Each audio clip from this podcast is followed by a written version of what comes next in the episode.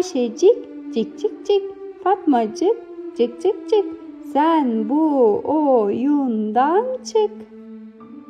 Türkiye'de oyunları yarım kalan o kadar çok çocuk var ki listelemeye kalksak Türkiye'den Fizan'a yol olur. Çünkü bunlar terör estirdiler, terör. Soğan üreticisinden kebapçısına muhalif herkesin terörist ilan edildiği Erdoğan Türkiye'sinde çocuklar da paylarına düşeni aldı. O kişinin kaç yaşında olduğunu nereden ayıracak? Hem de çok acı bir şekilde. Bu çocukların yürek yakan hikayelerini derledik. Erdoğan'ın düşman ilan ettiği ve yine iktidarını korumak için kullandığı çocuklarla baş başa bırakıyoruz sizlere. Terör örgütünün maşası olmuş durumdaydı. Berkin Elvan henüz 15 yaşındaydı. Polis gezi olayları sırasında başından gaz fişeğiyle vurdu. Evet. Berkin'in ekmek almak için ayrıldığı evine cenazesi geldi. 269 gün yoğun bakımda kaldı. Öldüğünde 16 kiloydu. Ekmek almaya gitti diyorlar. Yalan. Ölümüyle ilgili de birçok iddia konuşuldu. Üzerinde bomba olduğu bile iddia edildi. Sapanlarla, maskelerle resmi var. Seçim mitinglerinde de propaganda malzemesi yapıldı. Berkin'in ölümü yetmezmiş gibi acılı annesi Gülsüm Elvan da Erdoğan tarafından yuhalatıldı. Annesi diyor ki evladımın katili başbakan diyor.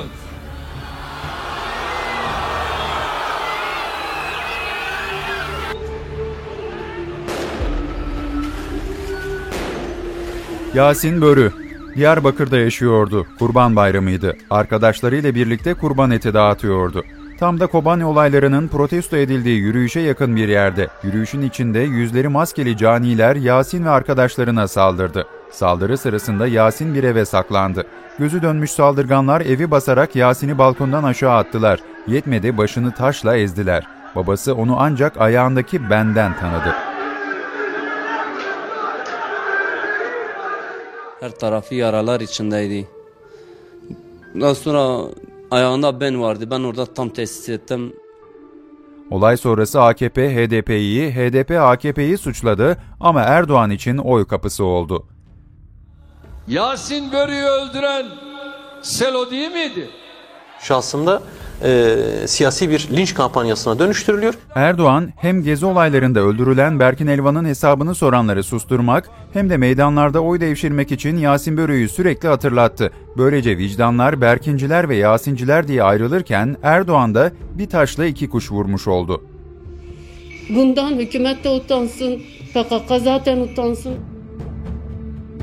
Eren Bülbül Trabzon'un Maçka ilçesinde PKK'lı teröristlerin erzak çaldığı evi gösterirken açılan ateş sonucu hayatını kaybetti. Yüzde yüzde pinde bir ihmal. Başbakanımızdan, paganımızdan, yetkililerden Eren'in oraya neden gittiğini ben öğrenmek isterim. Eren öldüğünde 12 yaşındaydı. Babasını küçük yaşta kaybetmişti. Omzunda yük olarak sadece odun değil ailesinin geçim kaygısını da taşıdı. Eren tek katlı bu evde annesi ve 12 kardeşiyle yaşamını sürdürdü. Kısacık hayatında biri de çıkıp demiyor ki Eren iyi ki varsın paylaşımıyla hafızalarda derin iz bırakıp giderken Erdoğan Eren'in de ölümünü şova dönüştürdü. Hadi yavrum hadi git ya gazi ol ya şehit. Eren Bülbül'ün saldırıya uğradığı yere 3 katlı bir ev yaptırıldı ve evin anahtarı miting meydanındaki şovla Eren'in annesi Ayşe Bülbül'e teslim edildi. Bir evin anahtarını Sayın Cumhurbaşkanımız Eren Bülbül'ün annesini saygıdeğer hanımefendiye takdim ediyorlar. Ben onları ikişer tane zeytinle okul yoluna gönderirdim. Eren çöplerden ekmek alıp da gelirdi biz. Ahmet Burhan Ataç 19 aydır babamı görmüyorum. Ve bir yıldır hastayım. Babama sarılmak istiyorum ve iyileşmek istiyorum. Türkiye onu bu görüntülü mesajıyla tanıdı. Sadece 8 yaşındaydı. Aynen yapmaya devam edeceğiz. Acımayacağız. Acırsak acınacak hale geliriz. Ahmet'in hem babası hem de annesi olağanüstü hal sürecinde gözaltına alındı. Babası tutuklanırken annesi adli kontrol şartıyla serbest bırakıldı ama pasaportuna el konuldu. Ahmet annesi olmadan yurt dışına tedaviye gitti. Ne olur beni yavrumdan ayırmayın. Ne olur Ahmet'in yanında olmam gerekiyor benim. Sosyal medyadaki kampanyaların baskısıyla annesine izin verildi ama artık çok geçti. Tedavisi engellenen Ahmet kemik kanserine yenik düştü. Keyfi kararlarla adım adım ölüme gönderilen Ahmet babasına ancak ölüm döşeğinde sarıldı ve bu karede Erdoğan iktidarının utanç tablosuna kapkara bir utanç daha ekleyerek tarihe not düştü. Anlayamadım oğlum. Artık gel buraya. Ben seni Laura. Artık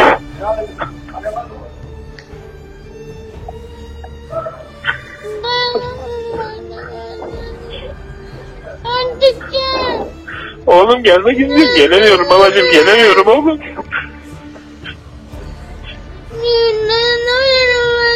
Oğlum bırakmıyorlar yavrum. Ceylan Önkol 12 yaşındaydı. Koyun otlatırken meydana gelen patlamada hayatını kaybetti. Cenazesi 6 saat boyunca olay yerinde kaldı. Ceylan'ın annesi çocuğunun parçalanmış bedenini eteğine toplayıp karakola götürdü. Diyor benim kızımın her bir parçası bir ağaç dalındaydı, bir taş üstündeydi, bir ağaç köklerine yapışmıştı diyor. Savcı, can güvenliği gerekçesiyle olay yerine 3 gün sonra gitti. İhmaller zincirinin birbirini kovaladığı olayda tartışmalar da bitmedi. Havan topu mermisinin olay yerine yakın karakoldan atıldığını iddia eden de oldu, patlamaya arazide patlamamış bir havan topu mermisinin neden olduğunu söyleyen de. Adli tıp raporu arazide patlamamış havan topu mermisi olduğunu doğrulasa da Ceylan'ın nasıl öldüğü gerçeği hala bir muamma. Ceylan'dan geriye ise onun için yazılan bu ağıt kaldı.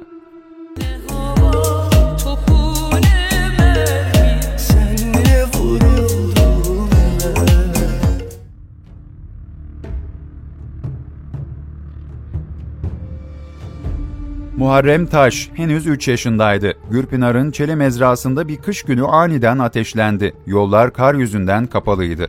Yardım için çağrılan yetkililer köye gelmedi. Minik Muharrem hastaneye götürülemeyince hayatını kaybetti.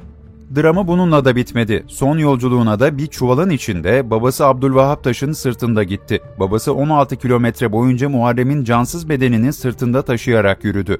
Muharrem'in amcası bu zorlu yolculuğu cep telefonuyla fotoğrafladı. Bu Türkiye için büyük bir ayıp. Helikopter, ambulans var, şu var, bu var. Devlet isteseydi bu çocuğu buradan alıp yaşatabilirdi. Muharrem öldükten sonra mezra yolunun hemen açılması ise hikayenin bir başka acı yönüydü. Çözüm sürecini filan anlamadılar. Şu anda bu buzdolabındadır. Erdoğan'ın bu sözleri üzerinden haftalar sonra Türkiye bu görüntüyle sarsıldı. Siyasilerin güç kavgası çözüm sürecini bitirmiş, savaş tamtamları çalıyordu. O günlerde Cizre'de sokağa çıkma yasağı ilan edildi. Bölgede yer yer çatışmalar da yaşanıyordu. Derin dondurucuda cenazesi bekletilen 10 yaşındaki Cemile Çağırga da o çatışmaların kurbanı oldu. Üstelik evlerinin avlusunda vuruldu. Annesinin kucağında öldü. Cemile 10 yaşındaydı. Elimde vuruldu, kucağımda can verdi. Gece koynuma aldım sabaha kadar. Sonra yıkayıp, kefenleyip derin dondurucuya koydum. Ailesi cenazesini defnetmek istedi ancak mahallede çatışmalar olduğu için defin işlemi yapılamadı. Cemile'nin cansız bedeni Cizre'nin 40 derece sıcağında kokmasın diye derin dondurucuya konuldu. 3 gün boyunca da derin dondurucuda bekledi. Ben. 2011 yılının soğuk bir kış günüydü. Uludere ilçesinde bulunan Roboski köyünün yani Ortasu'nun sakinleri bir bomba sesinin kahredici acısıyla uyandılar. Kaçakçılıkla geçinen bir grup köylü, kaçakçılık için gittiği Irak'tan dönerken F-16 savaş uçakları tarafından vuruldu. 34 kişi yaşamını yitirdi, ölenlerin 22'si çocuktu. Okula gidiyorlar. Benim iki kardeşim. Okul parasını topluyorlar. Benim bir kardeşim. İki oğlum var. İki oğlum. İki oğlum. Dert var. Dönemin iktidarı ölümlerde kasıt olmadığını duyurdu. Türk Silahlı Kuvvetleri ise köylülerin PKK'lı sanılarak vurulduğunu açıkladı. Bombardımanda yaşamını yitirenler battaniyelere sarıldı. Katırlarla taşınan cesetlerin görüntüleri ise yürekleri yaktı. 22 çocuk yan yana defnedildi. Tepkiler artınca Erdoğan özür dilemek zorunda kaldı. Eşini ve kızını Uludere'ye gönderdi. Yüklü miktarda tazminat ailelere önerildi. Adeta öldürdük ama parası neyse onu da verdik dercesine duyuruldu tazminat teklifi. Dört kat fazla ilave buraya tazminat verdik. Olayda ihmali bulunan dönemin komuta kademesine soruşturma açılmadı. Komuta kademesi Erdoğan hükümetinin desteğiyle kendilerini kurtarırken Roboski katliamı Erdoğan ve o dönem Genelkurmay 2. Başkanı olan Akar'ı yakınlaştırdı. Bu yakınlaşma ikiliyi 15 Temmuz'a taşıyacak sıra dışı ilişkinin en önemli yapı taşlarından biri olacaktı. Türkiye'nin hafızasından kolayca silinmeyecek 15 Temmuz ve sonrasında yaşananlar en çok çocukları sarstı. Yüzlerce çocuk hayata gözlerini yumdu. Kimisi cezaevi yollarında, kimisi de hayata adım atmadan anne karnında öldü. Meriç'te, Ege'de boğulanlar oldu. Kiminin cesedi bile bulunamadı. Geride ise bir mezar taşına bile hasret, anneler, babalar kaldı.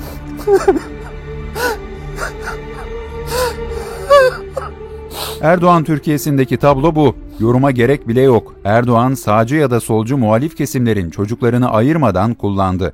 Kiminin hayattan kopmasına politikalarıyla sebep oldu, kiminin ölümü meydanlarda o uğruna kullandı. Masum yavrucakların gözü açık giderken iktidar Erdoğan'ı torunlarıyla birlikte fotoğraflayıp kendi tabanına tonton dede imajı verdi. Dedim ki muhtemelen dedim okuyabiliyordur da kesinlikle bir e, orada bir tecvid ve talim falan vardır demiştim. Olayın çünkü ilmi tarafını da bildiğiniz için öyle bir yorumda bulunmuştum. Yok, maşallah o Ama çok hoş bir tablo. Yavaş yavaş ya pişiriyor. iyi noktaya Maşallah. geliyor. Öyle orada o akşam dersini verdi. İşte geç saatlere göre olay patladı. Ondan. Birkaç saat sonra o zaman şurada herhalde birkaç saat sonra da darbe girişimi oldu. Evet. işte. Bu da bu da bir ilk oldu. Bunu yeni zannediyoruz yani.